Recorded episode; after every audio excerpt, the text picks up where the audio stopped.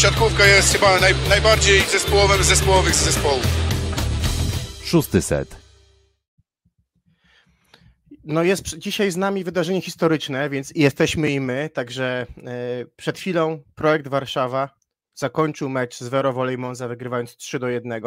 Niecałą godzinę temu zapewnił już sobie Puchar Challenge wygrywając dwa sety, a skoro jest to wydarzenie historyczne, mamy czwartego polskiego zwycięzcę europejskich pucharów, tak dużo tych pucharów jeszcze nie mamy, no to nie mogliśmy sobie z Filipem odmówić możliwości skomentowania na żywo tego, co się wydarzyło przed chwilą we Włoszech, a zatem ze studia pomeczowego po finale Pucharu Challenge witają Was ze studia Warszawy Kuba Lewandowski i ze studia w Rzeszowie Filip Korfanty, cześć. Zdajemy sobie sprawę, że jeszcze trwa przygotowanie tak naprawdę hali w Monzie do ceremonii zakończenia. My będziemy Wam dawać znać, kiedy ta ceremonia ma miejsce. Chcemy być w tle tej ceremonii, bo wiemy, że to będzie najważniejsze dla zawodników, dla kibiców klubu z Warszawy, żeby ten puchar odebrać. Puchar zdobyty już godzinę temu i chyba trzeba zacząć, Filip, od pytania, jaki jest sens tego formatu, w którym mecze finałowe dalej się toczą, kiedy już tak naprawdę wszystko w rozgrywkach jest pewne.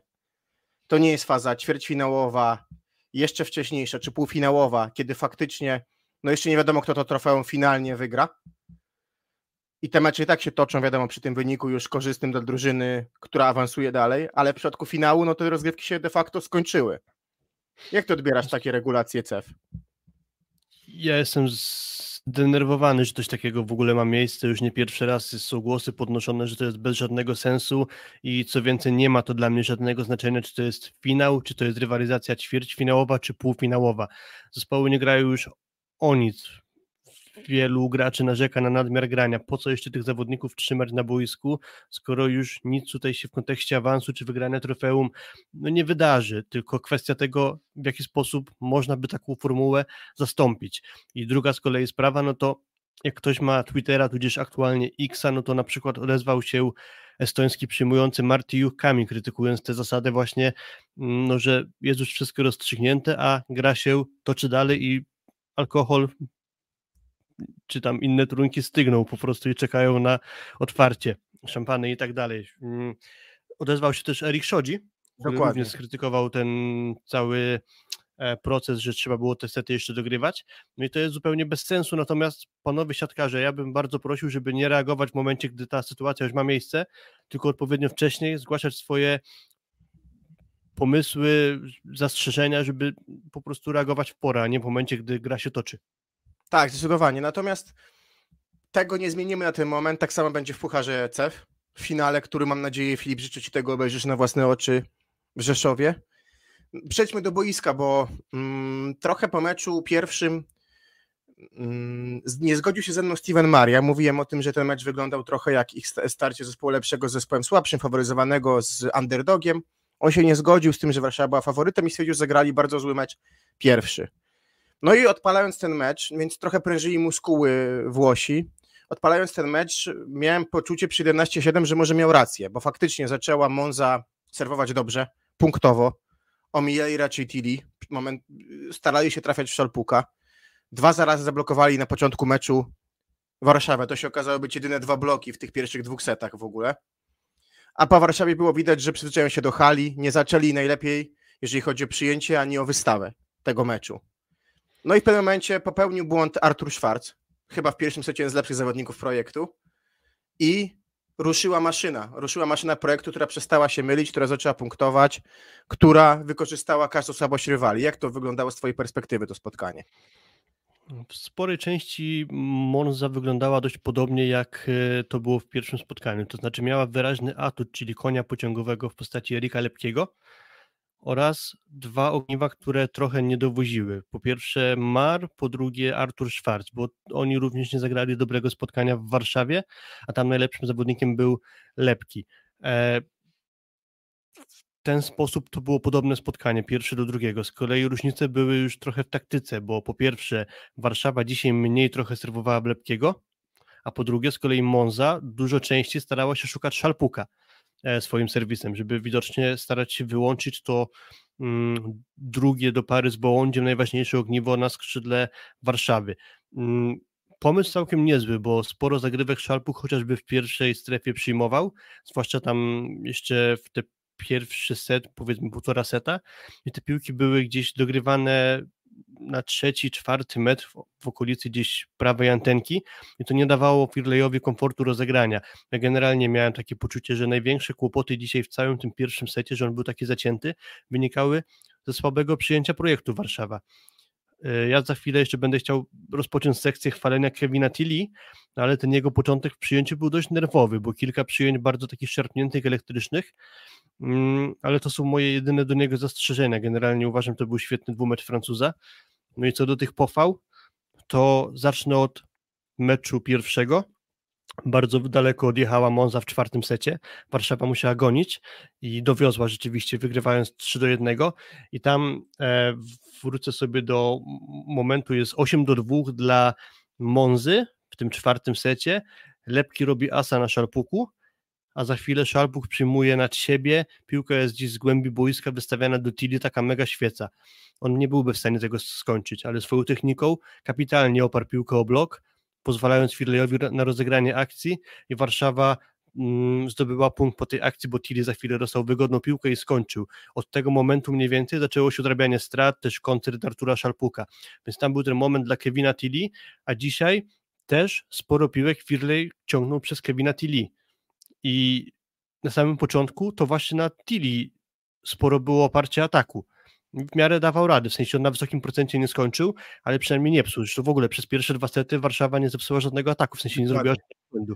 Zwróć też uwagę, że on grał przez Szwarca właśnie, a nie przez Kaczopę. Przez Kaczopę atakował raczej Artur Szarpuk.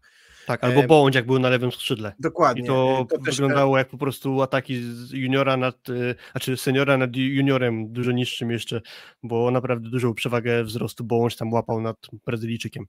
Tak, po pierwszym meczu też sztab Warszawy zastanawiał się, że to był zaskakująco dobry mecz czwarca, więc trochę powrót do normy, ale y, jego, natomiast no w pierwszym secie, gdyby nie jego pomoc, pewnie byłoby trudno, no bo to był dobry set Monzy, ciężko im powiedzieć, jeżeli chodzi o pole serwisowe, naprawdę zagrywali bardzo dobrze.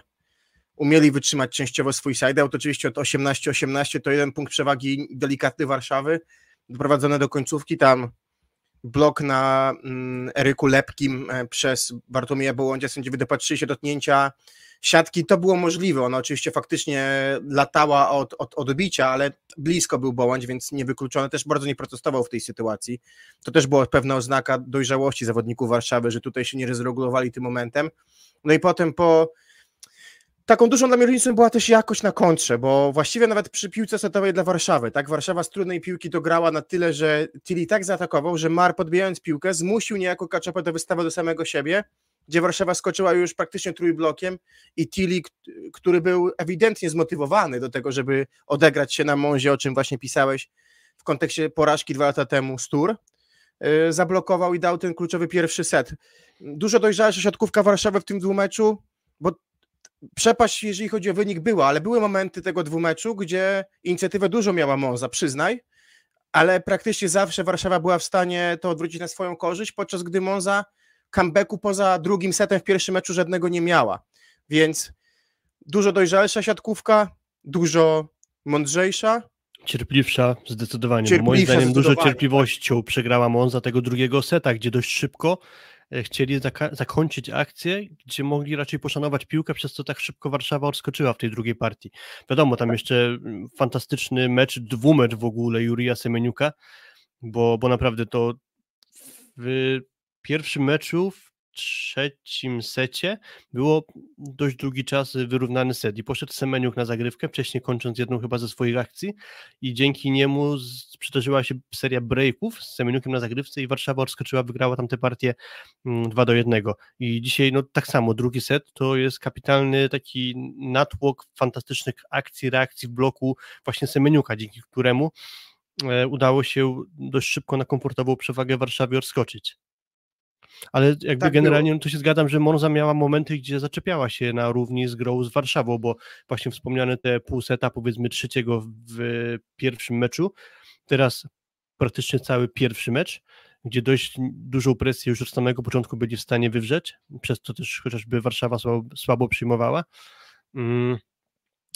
Wydaje mi się, że tam po prostu zabrakło takiej siatkarskiej jakości, że za bardzo podpalał się Schwarz, e, nie dowiózł w ataku Mar, w ogóle dzisiaj aż takiego poczucia nie miałem, takiej fantastycznej roboty taktycznej, ale w pierwszym meczu tego, tego finału uważam, że przede wszystkim fantastyczną realizacją taktyki Warszawa była w stanie to wygrać. Y, mówiliśmy w zapowiedzi tego finału Pucharu Challenge, że Monza jest drużyną, w której więcej ataku e, ma miejsce na lewym skrzydle, czyli w wykonaniu przyjmujących.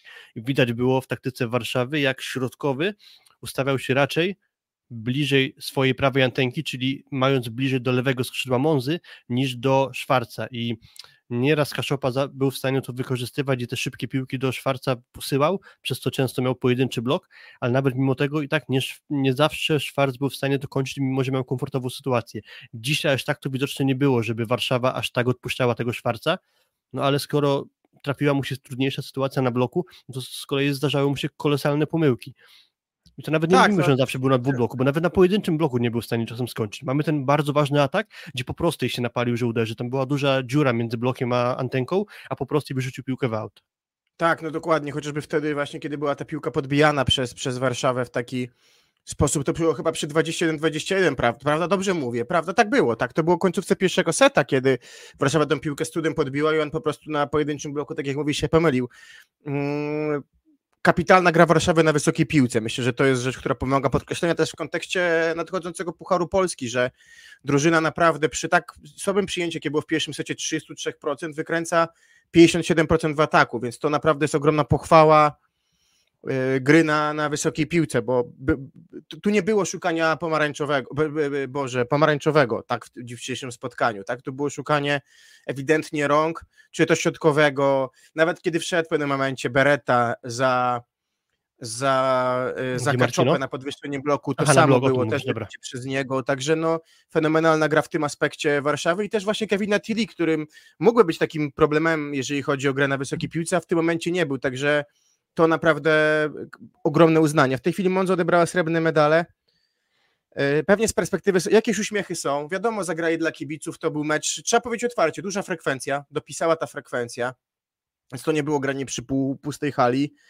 Oczywiście w tej chwili gro kibiców przepuściła dla, dla Monzy pewien sukces na pewno, chociaż e, wydawało mi się, że to jest drużyna dojrzalsza, powiem szczerze i, i gdzieś, e, a może jest tak, że po prostu z Warszawą gra się po prostu przekielnie trudno, i tej cierpliwości po prostu drużyna na tyle dużo nie miała, żeby tego spotkania, czy te spotkania być w stanie grać z nimi na długim dystansie, bo, bo tak jak mówimy, momentami to była gra równa, momenty były naprawdę bardzo dobre gry, natomiast no, Warszawa grała poza początkiem czwartego seta i końcówką drugiego seta też po prostu bardzo, bardzo solidnie. Ogromny rozwój Semeniuka i to trzeba powiedzieć otwarcie, że co się wydarzyło z tym zawodnikiem, kiedy w poprzednim sezonie pogubiony, właściwie nie grał w playoffach, grali tylko mm, de, de facto grał Nowakowski na i, i, na zmianę Andrzej Wrona z, z Jakubem Kowalczykiem, Semaniuk odstawiony do kwadratu, oczyścił głowę i zagrał no, fenomenalnie te momenty, kiedy wybijał niezłemu przecież Galasiemu, tak, podstawowy, ewentualnie trzeci środkowy kadry Włoch, no to to były fantastyczne momenty, więc, więc to trzeba oddać. Do tego no, wrócił Bartłomiej Bołądź i wykorzystał swój atut, czyli gry na, po prostu siłowej, tak? Bo dzisiaj też był wykorzystywany rzadziej przez Jana Fille. Ja myślę przez to, że przechodził chorobę, bo on przechodził grypę, dlatego nie grał w pierwszym meczu. O to pytaliście właśnie na czacie i pewnie nie był do końca gotowy fizycznie, ale wrócił i właściwie dostawał duże, trudne piłki, chociażby przy 20-20 w pierwszym secie i to kończył. I to kończył. Wchodzi właśnie Warszawa na podium. Myślę, że trzeba też powiedzieć sobie otwarcie, że jest to wielki sukces tenera Grabana i chyba tego projektu, w który uwierzono po zwolnieniu Roberto Santiliego półtorej roku temu praktycznie, czy tam 15 miesięcy temu. Właśnie tak, Kuba, bo ja sobie to specjalnie sprawdziłem, jak to, jak, to, jak to wyglądało. Wiesz co, to było 28 listopada dokładnie został zwolniony trener Roberto Santilli. Dzisiaj mamy 27 lutego, więc można powiedzieć, że jutro minie równe 15 miesięcy, odkąd zaczęła się wielka przygoda Piotra Grabana z mm, posadą pierwszego trenera projektu Warszawa, no i chyba będzie można to określić w skrócie jako piękny sen trenera Grabana, no bo teraz y, sięgnie tak, po złoty medal Pucharu Challenge. Tak, no pierwsze takie trofeum w karierze i to, aż, i to już puchar europejski, czwarty klub polski, który zdobywa. Jeżeli pozwolisz, to powiem tak, odbiera medal Andrzej Wrona, też na pewno duża pomoc dla strefy szkoleniowego jest ze strony zawodników doświadczonych, bo myślę, że i Andrzej, i, i Kuba Kowalczyk, i Damian Wojtaszek, myślę, że też ważną rolę odgrywają w tym procesie przekazywanie pewnych uwag od środka trenerowi Grabanowi, który no, na tak wysokim poziomie nie grał, a wcześniej też trenował drużyny trochę egzotyczne, więc mi się wydaje, że tutaj ta, ta synergia pomiędzy sztabem a zawodnikami, którzy, którzy są słuchani, a myślę, że tego nie było w kontekście poprzednich trenerów e, włoskich, też jest pewnie jakąś receptą na sukces. Odbiera właśnie Bartłomiej Bołądź, kapitalny rozwój miał, walczyć o miejsce z Linusem Weberem, a w perspektywie na przykład tego meczu Filip, no to wygląda na przepaść, prawda, pomiędzy nimi. No właśnie byłem ciekawy, O, a co tutaj się piękny uda... obrazek właśnie, wiesz, nie wiem czy widzisz, E, Juri że- przekazuje flagę ukraińską. Nie wiem, kim jest pani, która wręcza medale, więc może to jest jakaś większa historia, ale, ale widzę właśnie Juri Semeniuk przekazał ukraińską flagę pani, która wręcza medale. Nie wiem, czy też widzowie Ona ma takie rysy, powiem szczerze, wschodnie, więc może na... być też pani z Ukrainy, wiesz, bo ona ma takie wschodnie rysy, powiem szczerze, wiesz, więc może tak być, że, że, że tak to wygląda. No właśnie, Damian Wojtaszek, kolejna młodość i naprawdę bardzo dobry mecz. Znowu, cała Warszawa mam wrażenie, że od tego 11-7, od tego, dwa, tego błędu Szwarca ruszyła na dobre. Że ten początek na przyzwyczajenie się, a potem Warszawa ruszyła. Karol Borkowski, rozwój. No mówię, naprawdę fantastyczna praca w Warszawie. To widać po tym, co się dzieje na Torwarze, ale przede wszystkim widać po tym, że ta drużyna umie cierpieć na boisku. A to jest cecha, której nauczyła nas Zaksa, że dobre drużyny umieją cierpieć na boisku. Jak miałbym powiedzieć, co jest, wydaje mi się, problemem, na przykład Resowi, nie będziemy o tym teraz mówić, to jest myślę, że brak tej umiejętności przechodzenia przez trudne momenty w miarę suchą stopą. A dzisiaj Warszawa chociażby tym pierwszym setem, początkiem pokazała to. Bo wiesz, gdyby pierwszy set wzięła Monza, no to mamy zupełnie inne granie, tak? Monza ma bufor, a tak, tak naprawdę ten pierwszy set i początek drugiego zamknął, zamknął ewidentnie temat, więc na pewno to wzbudza wielki szacunek. No i co, Filip, oddaję Tobie głos, może skomentuj tą sytuację, w której zaraz chyba kapitan właśnie Andrzej Wrona odbierze puchar. Mm, Zerkam właśnie na drugi ekran, gdzie mam transmisję z ceremonii. Właśnie puchar będzie wędrował chyba w ręce Andrzeja Wrony. Też pewnie kiedyś będzie okazja zapytać And- Andrzeja Wrony, czy w ogóle marzyło mu się, że jeszcze na tym etapie kariery będzie w stanie e, doprowadzić do sytuacji, że jeszcze odbierze europejski puchar i będzie w stanie go odebrać jako kapitan swojej drużyny. A, no w tym momencie właśnie się to dzieje. Andrzej Wrona za moment wzniesie trofeum Pucharu Challenge. E, 2012 rok y, drużyna z Warszawy przegrała e, finał Pucharu Challenge. Tam w tamtym spotkaniu udział wziął Damian Wojtaszek, więc teraz słodka zemsta za tamten przegrany po złotym secie. Widać, jak się cieszy. Był mecz z właśnie, Częstochową.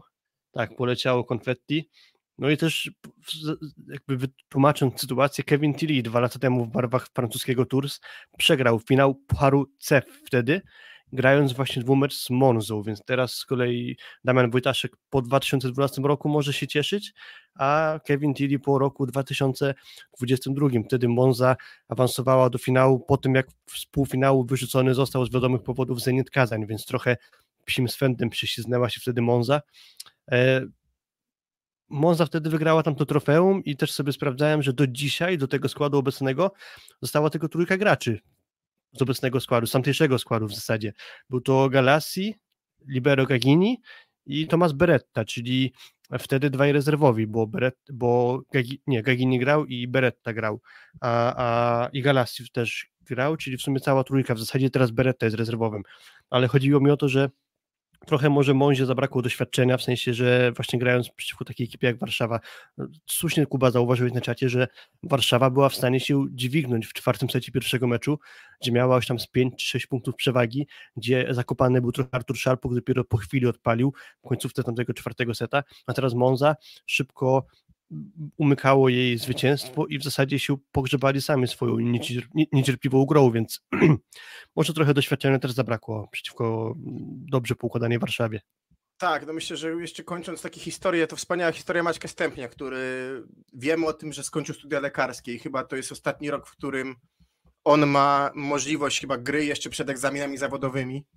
Więc to też piękna historia, że na koniec gry pewnie wybierze specjalizację lekarza. Ja też z, jeden z lekarzy właśnie pomagał mi z ręką i już jak widzicie, już nie gipsa, trochę inna forma zabezpieczenia, także myślę, że będzie świetnym lekarzem i też piękna historia właśnie na koniec tej przygody z profesjonalnym sportem. Tak, będziemy mówić chwilę o No JW. to jest ciekawa cała Jeszcze historia parę- w ogóle warszawskiego klubu. Przecież oni po tym, jak zdobyli wicemistrzostwo Polski nie tak dawno temu, jeszcze jako Niko Warszawa, czyli to był sezon 18-19, przy tym klub w zasadzie stanął na skraju upadku, bo długo Tak. się zastanawiano, czy w ogóle siatkówka w Warszawie dalej będzie miała kontynuację. Pojawił się ten- na szczęście e, sponsor, dzięki któremu mm, klub przetrwał w takim dobrym jeszcze składzie, albo wręcz bardzo dobrym. E, w zeszłym sezonie ciężki bój o półfinał z Zaksą, teraz jest już Puchar Polski, w sensie półfinał Pucharu Polski, jest w gablocie Puchar Czeren, w zasadzie pierwsze trofeum w ogóle w historii, można tak powiedzieć, no bo e, wcześniej na najwyższym poziomie nic się jeszcze nie udawało wygrać, były medale Mistrzostw Polski, były, nie wiem, udział w Superpucharze i tak dalej, ale jakby złota, czy też trofeum takiego złotego koloru w gablocie Warszawy, no nie było aż do dzisiaj. Tak, no zdecydowanie, więc to mówię, ukłony dla drużyny, ja też y, tak bezalkoholowym się ukłonię.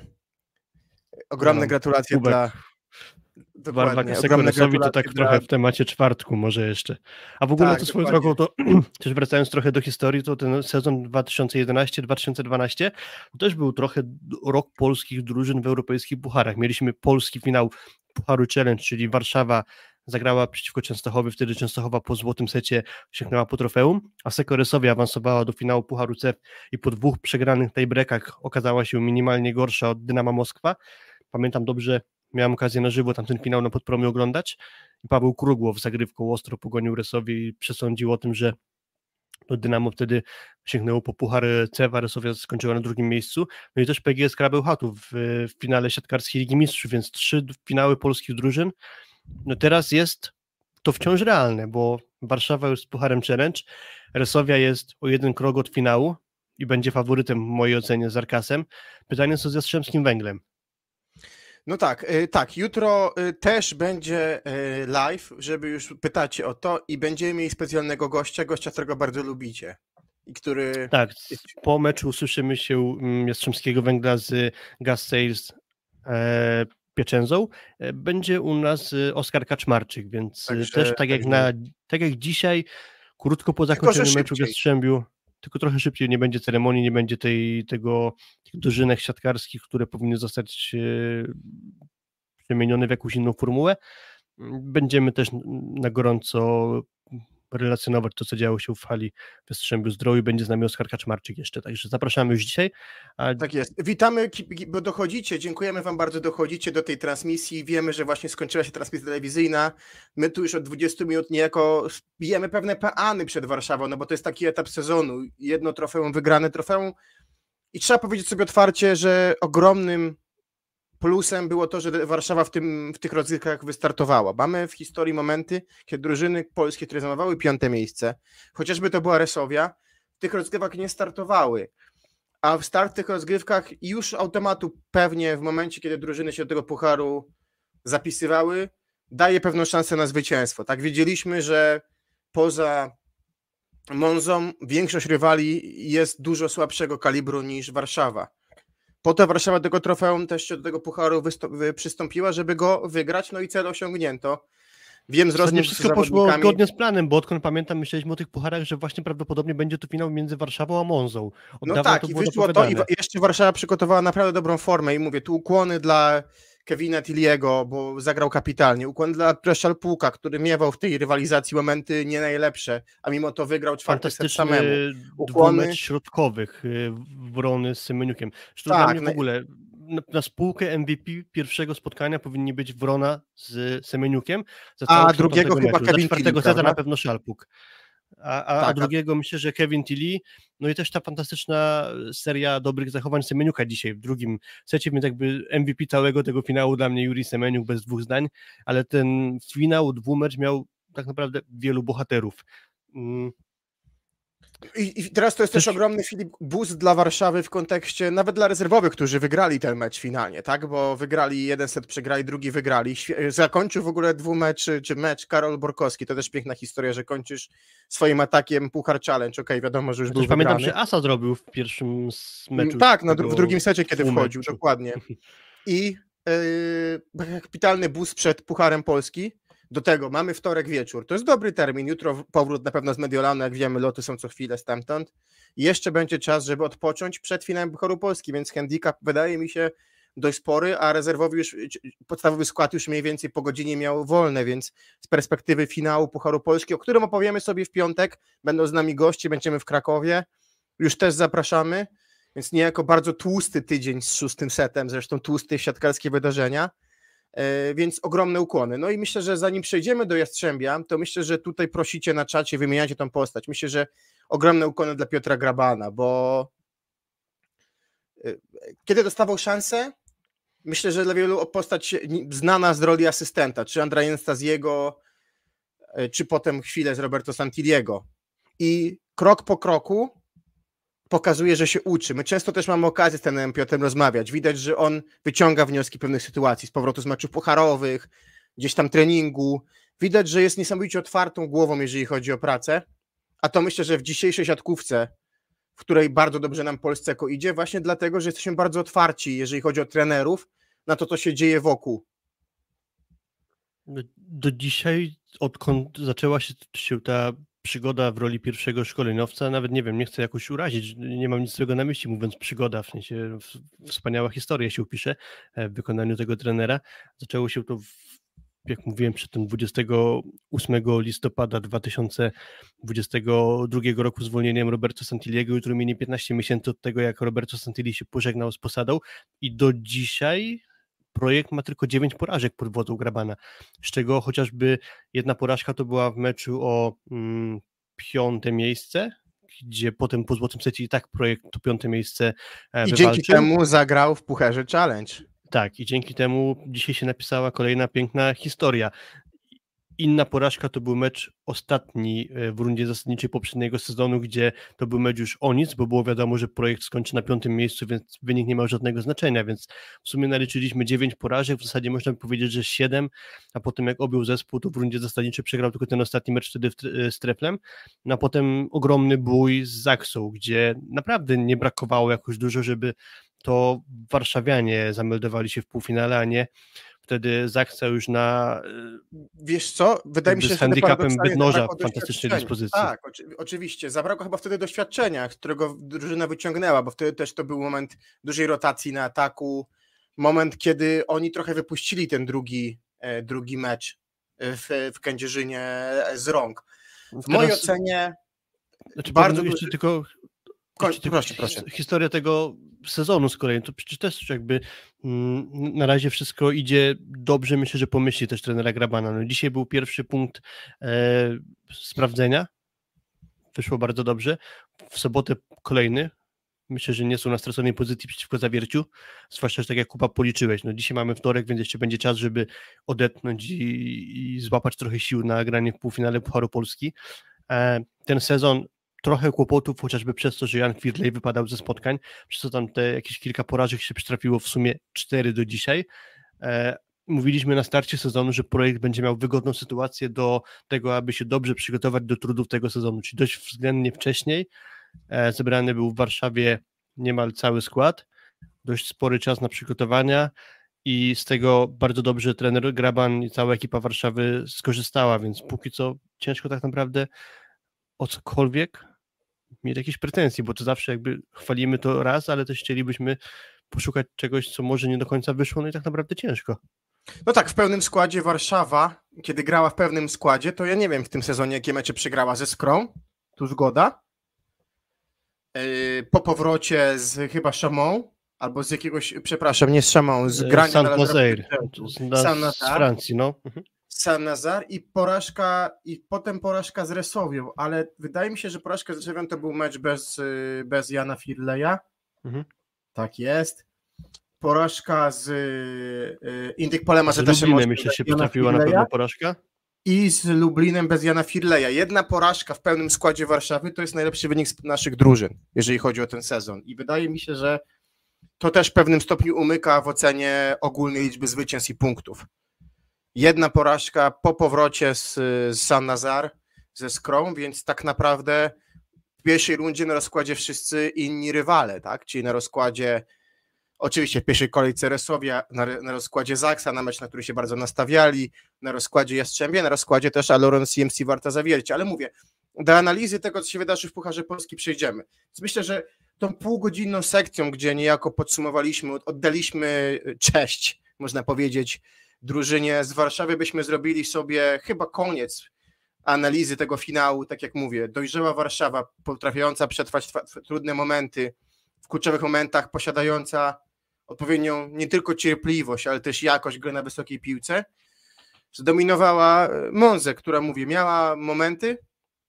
ale no to po prostu nie wystarczyło, a mówię, ja podchodziłem z dużym respektem do Monzy, tak, w kontekście ich ostatnich osiągnięć lidze włoskiej, chociażby tego, że byli w stanie no, postawić wygrać z Trentino, e, z Trentino, które no, na ten moment Ligi Mistrzów czy sezonu wygląda bardzo też bardzo dobrze, jeżeli już wiadomo, że nie co porównywać lig, no ale generalnie ogromny też kwestia tego, że wypadł Takahashi, bo to jest podstawowy, było, nie było przyjmujący, nawet mimo tego, że on po kontuzji wrócił, to w dyspozycji dobrej nie jest, bo ani w tym Tylko pierwszym wiesz meczu... co, to jest najlepsze, jak on grał, to przecież grał z Marem, nie z Lepkim, a to właśnie Steven Mar tak naprawdę był najbardziej yy, Naj, najgroźniejszym, najwięcej wnoszącym do Monzy, moim najbardziej zatrzymanym zawodnikiem przez Warszawę, bo w obu spotkaniach, to nie tak jak Schwarz, który w pierwszym meczu ciągnął grę. To jest zawodnik, którego w obu meczach Warszawa bardzo skutecznie zgrewyminowała. I mówię, ma potencjał sam LWO na skrzydłach, te skrzydła Lepki, Mar, Mówimy o reprezentacji Kanady teraz. Tak, a, ale dalej myślę, że to To nie brakuje rozegrania w Kanadzie przede wszystkim. W sensie skrzydła są Dokładnie. ok, środkowych by się znalazło, ale tam jest problem na pewno na rozegraniu, ale może nie Ale wiesz, myślę, że teraz do dosyć o. Mondzie, tak? Myślę, że dosyć o Mondzie. Jeszcze raz pokłony, pokłony dla projektu Filip i chyba co, przejdziemy Mhm. chwilę do, do tego, co spodziewamy się jutro, a to może sobie przydzielimy jinglem, co ty na to? Jasne. Szósty set. Więc y, mamy już jeden puchar, jutro walczymy o drugi. Walczymy o drugi dopiero w ćwierćfinale, albo aż w ćwierćfinale, no bo do Jastrzębia Zdroju doleciała już dzisiaj Piacenza. Piacenza, która... A może Proszę. nawet wczoraj, Kuba, bo czytałem o planach Piacenzy gdzieś tam w lokalnych włoskich e, mediach, to miało być tak, że oni po meczu z Lubę nocowali i z Bolonii lecieli do Polski w poniedziałek podobno. A czyli wczoraj, a przepraszam, dobra, bo my mówimy o przed, dzień przed meczem, a czyli dobrze powiedziałeś, ale w każdym razie oni po meczu z Lubę w weekend nocowali i z Bolonii lecieli wczoraj, także tak, mhm, zgadza się, sorry. Nie ma sprawy. No i przyleciała drużyna, która na pewno jest w lepszych nastrojach niż przed pierwszym meczem. No bo przed pierwszym meczem przystępowali po dużej ilości porażek, po tym jak Anastazji nie stawił się na konferencji prasowej, prostuję, to nie było na treningu, jak mówiłem w ostatnim nagraniu, tylko na konferencji prasowej. I trochę mam poczucie, że ta wygrana z Jastrzębiem, która ich w ogóle nie, cieszy, nie cieszyła jakoś szczególnie, pamiętasz końcówkę, że obie drużyny po meczu miały podobne nastroje. Jastrzębie, bo przegrała, ale ma dwa sety, Piacenza, bo wygrała, ale straciła dwa sety. I Mhm. przyjechało, przyjechała Piacenza do, do mm, Civitanowej i tam ograła Lubę, Lubę po dobrym meczu z Halbankiem. 3 do 0. E, I wydaje się, że w kule przemójdzie w Piacenzie, a po pierwszym secie meczu Jastrzębie Kuprum mówiliśmy sobie, nie idzie ku lepszemu w Jastrzębiu, prawda? Tak, nie mam takiego pełnego przekonania, że w najwyższej formie obecnie znajduje się Jastrzębski Węgiel i, i oby to się okazało jak czymś w rodzaju robienia formy na ten najważniejszy mecz, bo, bo mecz rewanżowy, czyli jutrzejszy i nagranie w Pucharze Polski. Ja tego bym sobie życzył, bo, bo myślę, że Piacenza jednak, jak najbardziej jest zespołem do ogrania ze strony Jastrzębia. Mm, I oby to była tylko kwestia tego dołka, powiedzmy, jako budowa formy na najważniejszy moment, bo mm, bardziej powiedziałbym, że to Jastrzębie tamten mecz przegrało, niż że Piacenza wygrała. Owszem, miała świetnie dysponowanego Lucarelliego, mm, ale w zasadzie, czy to był jakiś genialny występ Piacenzy, nie powiedziałbym. Romano okazało się, później dla mnie się okazało, że on wyszedł z, będąc chorym na tamto spotkanie, bo Anastazji tłumaczył, że przed południem tamtego dnia Romano miał 39,5 stopnia gorączki, więc y, wypuszczanie go w tym meczu na boisko było dużym ryzykiem. W trakcie spotkania kontuzji doznał e, Kanesi, Ka, Kaneski, dobrze czytam. Chociaż dobra zmiana Romano, trzeba oddać y, bo, y, w Romano, sensie Lozano. Gironiego. A, Nie, w nie, sensie mówię- Romi, Romi Alonso, w sensie Alonso, wszedł za nie. Kanes... E, Musisz, muszę cię dopytać, Kaneski czy Kanesi? Bo jak Kaneski. było Falashi, to było Falaski, czyli Kaneski. Kaneski, Kaneski. tak, tak, tak. Kaneski, Kaneski. dobra, to mamy to za sobą. E, no właśnie, Kaneski z kontuzją zszedł, wszedł Alonso, e, wszedł też Gironi za Romano, który grał bardzo źle. No trochę rezerwowym, jak na to upieczęce składzie, no jednak to Jastrzębie ograli, gdzie naprawdę czwarty set był takim trochę z wątroby już wyciągnięty przez Jastrzębie i on może się okazać kluczowy, bezcenny wręcz, mimo że w wielkich bólach wygrany, mimo tego, że Piacenza wygrywała 2 do 1, no to ten set jeden czwarty może być dużo znaczący dla tego dwumeczu. Tak, no y, to, to bez wątpienia. Wydaje mi się, że ten handicap jest. Natomiast mm, miałem przekonanie przed pierwszym meczem, że Ricardo Lucarelli jest w dołku. No i w pierwszy set zaczął źle. Blokowany przez Patriego grał słabo. Od drugiego setu to był koncert tego zawodnika. I tak jak mówię, możemy mówić o jakości Kanadyjczyków czy innych graczy. Tak, to jest gracz na jakości podobnej do zawodników Jastrzębia, albo nawet i momentami od niektórych wyższej.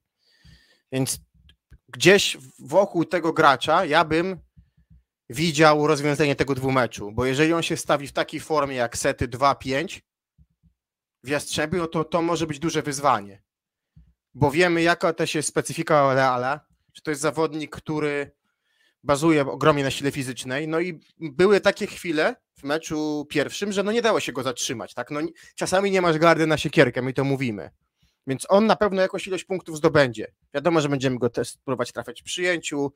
On sobie nie nawet w pierwszym meczu radził, prawda? I to jest ta kwestia. Natomiast ewidentnym liderem Brizarda jest y, Lucarelli. I co w kontekście w ogóle tych rywalizacji, to ja mam przekonanie, y, co się okazało. Kaczopa to nie jest zawodnik gotowy jeszcze na topowe granie. Brizard, co by nie mówić, jednak ważne mecze w miarę trzyma. Już w swoim życiu trochę tych meczów rozegrał i on te mecze w miarę trzyma, więc wydaje mi się, że pod tym kątem jest groźniejsza Piacenza niż przed pierwszym spotkaniem, bo nabrała pewności siebie. Z mm, drugiej też strony, wiesz, dobry mecz, y, dobry mecz hmm? Romano z Lubę, bo to jest też no ważne tak, ogniwo, w sensie tak, że... To samo, co po pierwszym meczu mówiliśmy. W ogóle chyba trzeba powiedzieć sobie otwarcie, nie wiem, czy pewnie nas słuchaliście dokładnie. Nie lubimy się chwalić, ale jakbyśmy sobie odsłuchali to, co mówiliśmy przed pierwszymi spotkaniami wszystkich tych drużyn naszych, no to dużo rzeczy trafiliśmy bardzo. Mhm. No i trafiliśmy.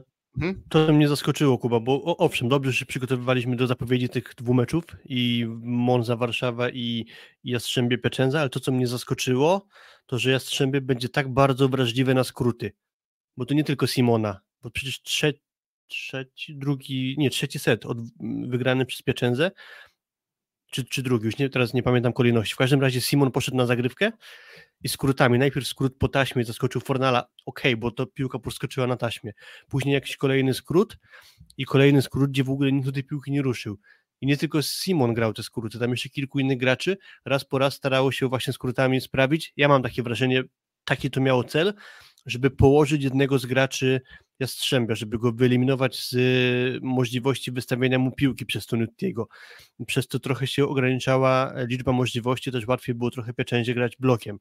No i jestem negatywnie zaskoczony, że tak dużo szkody ten skrót właśnie pieczędzy A ja wyrządził pytanie, wiesz, w tym kontekście, bo to jest świetny wniosek, ale czy drużyna, jakaś drużyna w Polsce gra dużo skrótów i to jeszcze z wyskoku? No bo zobacz, że Simon zagrywał z wyskoku skróty.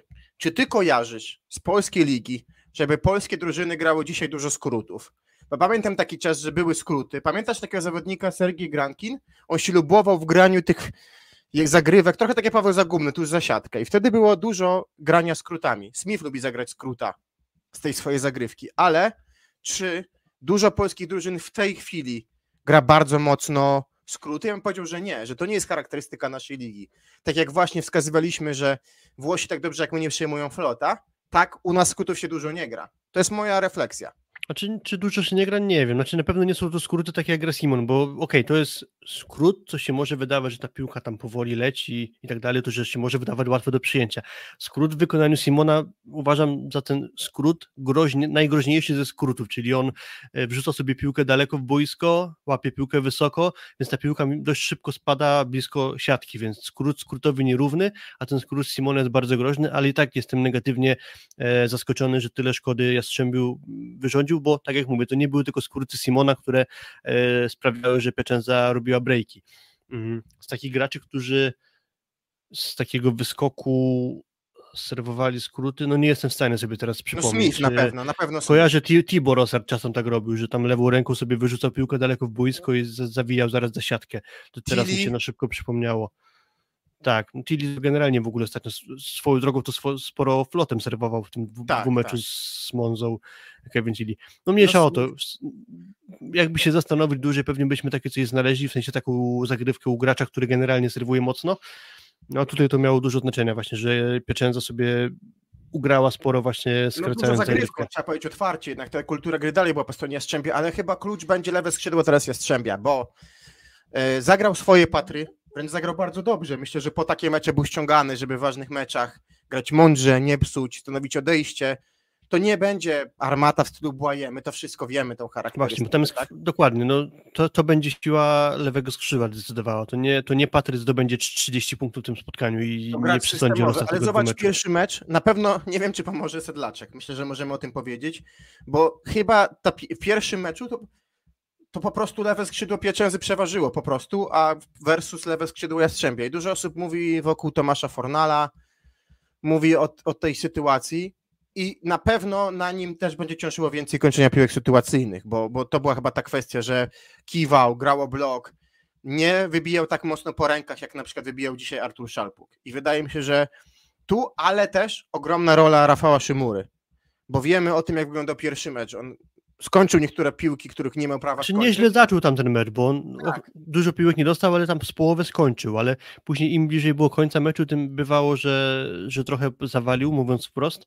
Też y, pocelowany zagrywką nieraz, więc nie dziwię się Mendezowi, że spróbował Sedlaczka, ale wiemy jak krótki ląd ma Marcelo Mendes do, e, ma, do Marco Sedlaczka i też po jakimś czasie jednak uznał Mendes, że wróci do Rafała Szymury. No, musi też y, lepsze spotkanie zagrać Tomasz Fornal, który mm, no, nie dał tyle, ile, ile by można było się spodziewać, nie był takim koniem pociągowym, za jakiego pewnie należałoby go mm, traktować, e, więc tu na pewno będzie lepsze spotkanie u niego wymagane.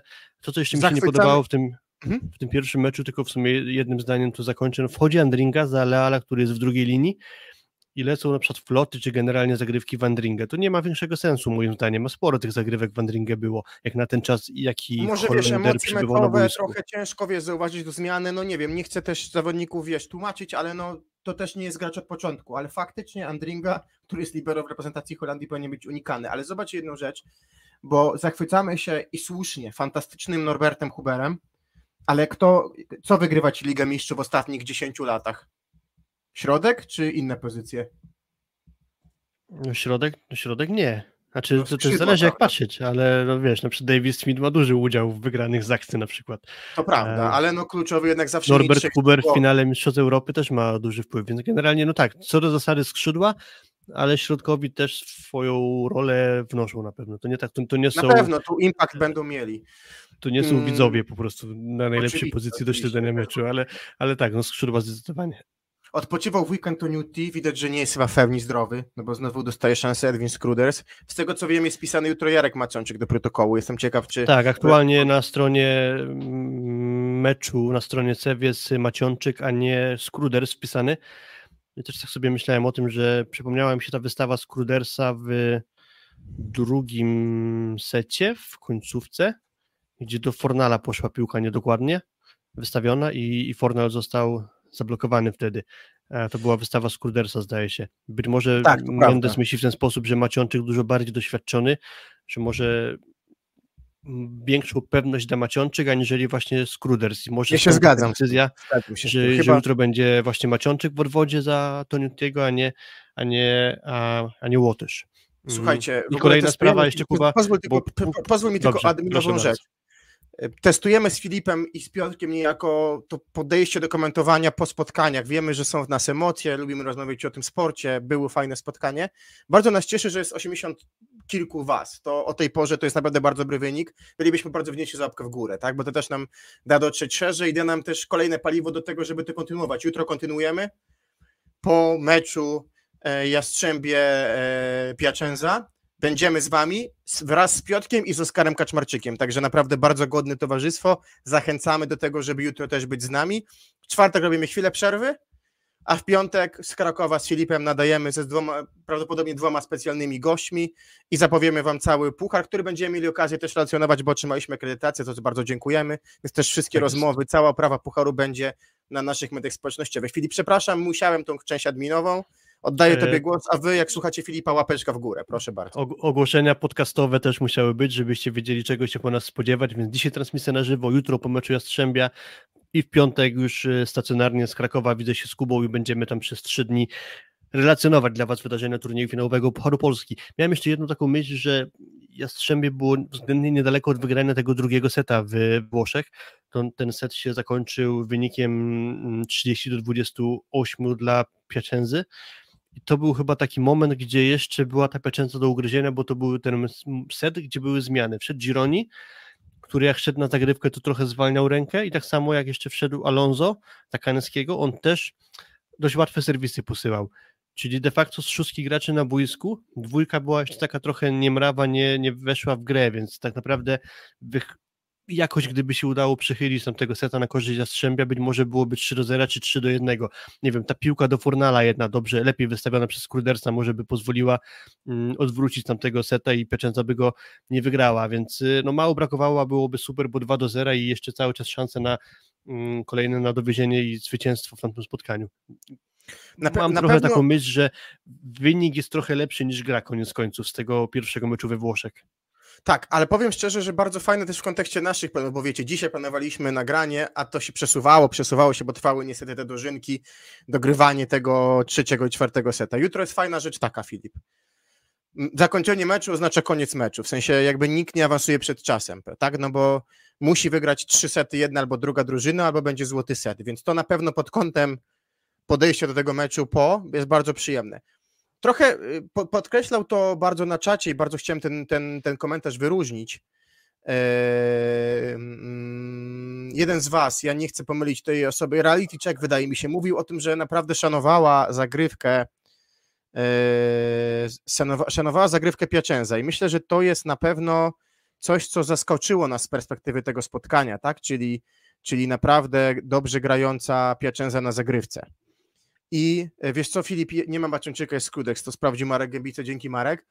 E, mm, wydaje mi się, że, że to była rzecz, ale co do przyjęcia Szymury głową, to, to, fajny highlight, fajnie, że skończył potem, niektóre, tak samo jak przyjmował w tym takim ogromnym padzie i skończył, tylko że efektywnie, no siatkówka, jak kochamy highlighty, jednak rozgrywa się na dłuższym dystansie. I ten, ta kwestia falowania Rafała Szymury była problematyczna, natomiast znowu, to nie jest tak, i to trzeba powiedzieć otwarcie. My mówiliśmy Piacenza, wiadomo jakiej była sytuacji.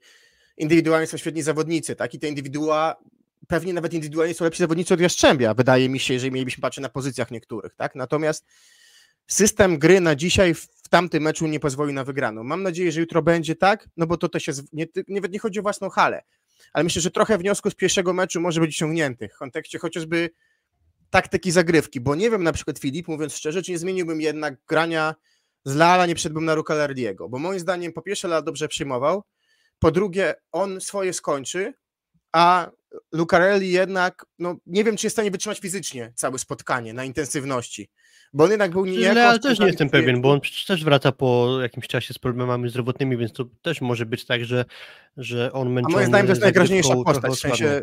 Tak, a to jest moim zdaniem zawodnik, który pokazał... Według mnie łatwiej będzie zamęczyć Leala niż Lucarelliego że łatwiej, że jakby na zmęczeniu gorzej będzie grał Leal, aniżeli Lucarelli, takie jest moje zdanie.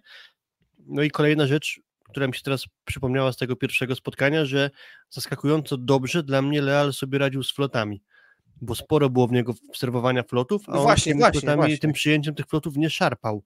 Może to była kwestia jeszcze trochę, że za mało był napoczęty, może z, powinno być tych zagrywek w niego więcej i by to przyniosło jakiś skutek, ale koniec końców mm, Leal sobie z tymi flotami dobrze poradził, więc e, taktyka takiego serwowania w niego nie przyniosła dobrego skutku. Mm, Marek e, napisał na czacie, że jest Kruder spisany.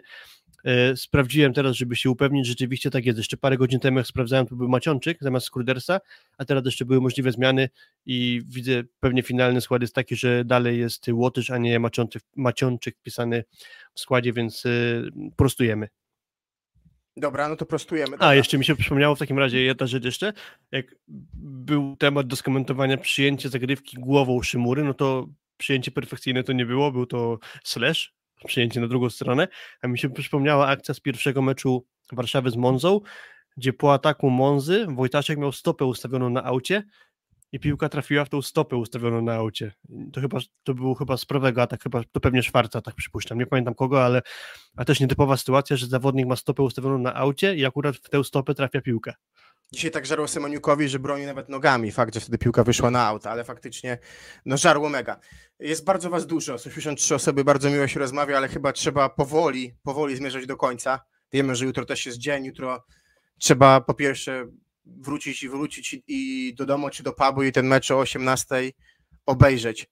Nasze przewidywania, myślę, że się to, co powiedzieliśmy przed pierwszym meczem się powiela. Wydaje nam się, że mówiliśmy przed pierwszym meczem, że to będzie przepychanie kolanem. Jastrzębie i trochę ten pierwszy mecz tak wyglądał, że te dwa sety, w sensie ten wynik 3-2 przechnięty kolanem, no i teraz wydaje się, że w kontekście tego, co mówiliśmy, 3 do 1 byłoby przepchnięte kolanem. Natomiast czy ty mówiłeś Pili przed pierwszym meczem, że nie widzisz złotego seta? Czy coś ten tydzień zmienia w twojej ocenie? No, zmienia, w sensie mam sporo obawy co do tego, czy Jastrzębie awansuje, bo naprawdę nie przekonała mnie gra z pierwszego spotkania, a widać, że Anastazji jak trochę z niego były podśmiechujki, że to nie jest trener, który jest w stanie przygotować drużynę na granie w Lidze Mistrzów, tak na razie te wydarzenia ostatnich dni pokazują, że trafił z obudzeniem swojej drużyny perfekcyjnie, bo po pierwsze z Lubę Pieczęca zapewniła sobie bodajże pierwszą trójkę w Serie A, czyli już nie spadnie. Czekaj, jest pierwszą trójkę czy czwórkę? Nie, trójkę nie, czwórkę. Na pewno nie zagra że nie, że nie wypadną z Nie czwórki, z czyli że w playoff na pewno nie zacznie od y, straty przewagi własnego boiska, tak powiem, o to chodziło, mm, bo wygrali właśnie z Lubę, wygrali pierwszy mecz z y, Jastrzębiem, no i mają teoretycznie trochę lepszą sytuację przed rewanżem, więc może być tak, że Anastazji tym razem jak ma na tej swojej koszulce na plecach napisane Zeus, to może będzie to adekwatne do tego, co z Pieczędzą osiągnie, bo jeśli odpadnie, no to nadal ten Zeus Ligi Mistrzów raczej Anastazji nie będzie tym Zeusem Ligi Mistrzów. Tak, wiesz co, dopowiadając, ja, ja miałem gdzieś przygotowaną grafikę, my, my akurat finalnie nie pokazaliśmy, jeżeli chodzi, bo ona nie była, w sensie nie ma moim zdaniem znaczenia dla tej dyskusji, natomiast e, na mecz, z meczu z, z Lubę to nie był mecz jakiejś świetnej efektywności, to był dość równy mecz w kontekście e, nawet i bloków i zagrywek, trochę więcej asów e, Piacenzy i tu wyglądali nieźle w polu serwisowym, trzy asy Kanessiego, ale Lubę grało z Bottolo, jednak Bottolo nie jest podstawowym graczem, bo raczej grywają Janti i Nikoło. Znaczy, bo tam jest kwestia y, kontuzji Zajcewa i chyba limitów, no bo musi grać Bottolo, jak to przekroja, tak, bo mamy Lagomdziję, mamy e, Deczeko, mamy Janta, Tak, dobrze mówisz, musi być trzech, tak? Musi być, Nikołow, no już jest czwórka.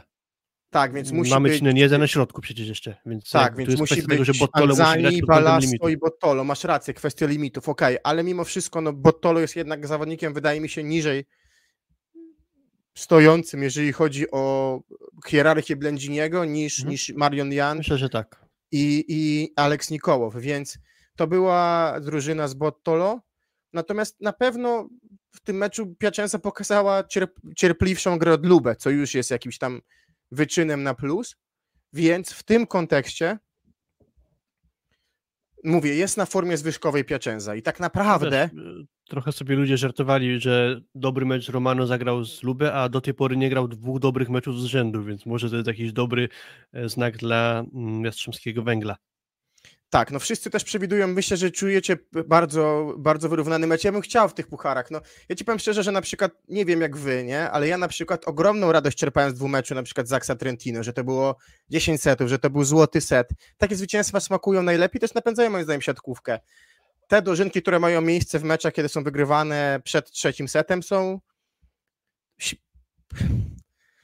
nie chcę powiedzieć, że parodią siatkówki, no bo nie są, no bo to nie jest wina drużyn, tak? No ale to nie jest to samo. Ja bym chciał awans po złotym secie Jastrzębia, na pewno awans Jastrzębia, ale najfajniej w ogóle po złotym secie.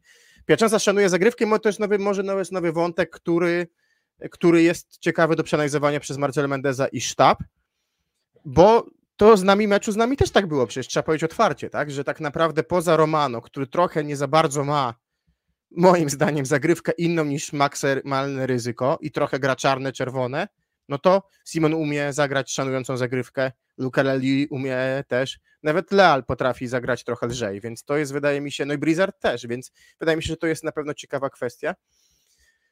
Jeżeli chodzi, Filip, bo zbliżamy się do końca, dziękujemy, że jest was 100, ale no jest 11 godzina. Y, W ogóle, y, co byście powiedzieli, jakbyście mogli skomentować, bo w ogóle chodzi nam po głowie taki motyw długiego live'a, nie wiem czy charytatywnego, czy nie, wydaje mi się, że połączymy to z systemem charytatywnym, na początek sezonu kadrowego. Czy to będzie 24 godziny, pewnie nie damy rady, ale kilkugodzinny, nie, niekoniecznie I wtedy chyba Nie, też moim zdaniem to jak już, jak już drugi live, to musi być 24 godziny, moim zdaniem. ale wiem, że testujemy opcję, żebyście dzwonili do nas, tak? Więc to też jest taka opcja, którą chcemy przetestować właśnie pod kątem trochę bardziej takich rozważań ogólnosiatkarskich, nie akurat po konkretnym meczu, a bardziej czy przygotowaniu do konkretnego meczu, gdzie lubimy pokazać dane, tylko bardziej takiej natury powiedzmy początku sezonu, czy, czy takiego okresu troszeczkę dożynkowego, ale jeżeli chodzi o mecz Fenerbahce, y, Resowia powiemy jutro, tak? Czyli jutro po omówieniu meczu Jastrzębie Piacenza przejdziemy też tak jak dzisiaj na koniec do omówienia następnego spotkania, no licząc na to, że będziemy mieli w piątek drużynę w półfinale Pucharu Puch- Ligi Mistrzów, drużynę w finale Pucharu CEF, no i mamy zwycięzcę Pucharu Challenge. Filip, czy coś jeszcze chciałbyś tutaj powiedzieć, czy zamykamy dyskusję? Myślę, że nie. Myślę, że wątek rysowy zostawimy sobie na jutro, bo tak jak słusznie zauważyłeś, jest godzina 23. Jutro wstajemy my do pracy, nasi widzowie pewnie też chcieliby już spać. E, Warszawa. O, przypomniał mi się fajny cytat może na koniec. Jak czytałem kiedyś książkę pod tytułem e, Sen o potędze o Wiśle Kraków, Mhm. Tam było chyba jak Wisła na wyjeździe wyeliminowała Szalkę Gels- Gelsenkirchen, to był taki mega sukces jeszcze na będącej na fali dla będącej na fali Wisły Kraków i tam pada takie fajne zdanie, że jak już z tego Gelsenkirchen mieli wylatywać, wracać, to autor książki pisze i zaczął się najszczęśliwszy lot w historii Wisły Kraków. Lądowanie pamięta tylko pilot. I zobaczymy, może lądowanie projektu Warszawa też będzie pamiętał tylko pilot. Na pewno Warszawa ma prawo świętować. Niech to zrobił w taki sposób, jaki chcą. Myślę, że do gdyby, tego, wiesz, ale trzeba się cieszyć. gdyby w weekend był mecz ligowy, jakiś po prostu, a nie Puchar Polski, to pewnie by tak było, a myślę, że z uwagi na Puchar Polski cały zespół jednak ma fokus na drugie trofeum do podniesienia w ciągu tygodnia i mówię, do tego przejdziemy w piątek w naszym nagraniu, więc kończąc przypominamy, dziękując wam jeszcze raz i prosząc ostatni raz o łapki za, i w ocenie tego formatu, jeżeli wam się podoba format komentarzu po meczu, bo nam bardzo, to prosimy o łapki w górę. Jutro po meczu Jastrzębie Piacenza, który zakończy się awansem któryś z drużyn. Nie będzie takiej sytuacji jak dzisiaj, że będą tak zwane dożynki, więc tak jak zakończy się mecz, ten zespół, który na koniec podniesie ręce, ten wygrywa. Jutro live my, Piotrek i Oskar Kaczmarczyk. W czwartek zasłużona przerwa i w piątek Puchar Polski, dokładne przedstawienie drużyn, omówienie prosto z Krakowa. Zaczniemy ten live piątkowy też od omówienia meczu Resowi, żeby nie było, żebyśmy, żeby to nie było dla Was omówione. Dziękuję Tak ślicznie. I jeszcze Dzisiaj dzięki za Wasz udział. Gratulujemy projektowi Warszawa takim kubkiem z wodą, żeby nie było wątpliwości. Tak jest, dokładnie. Także gratuluję, cieszcie się i bawcie się. Zasłużyliście na to. Mamy Puchar Challenge. Puchar Challenge wraca jutro do Warszawy, a ja miałem dzisiaj ogromną przyjemność tą radosną nowinę skomentować Wam wraz z. Wraz z Filipem, ja, dla mnie też była wielka przyjemność. Dzięki Kuba.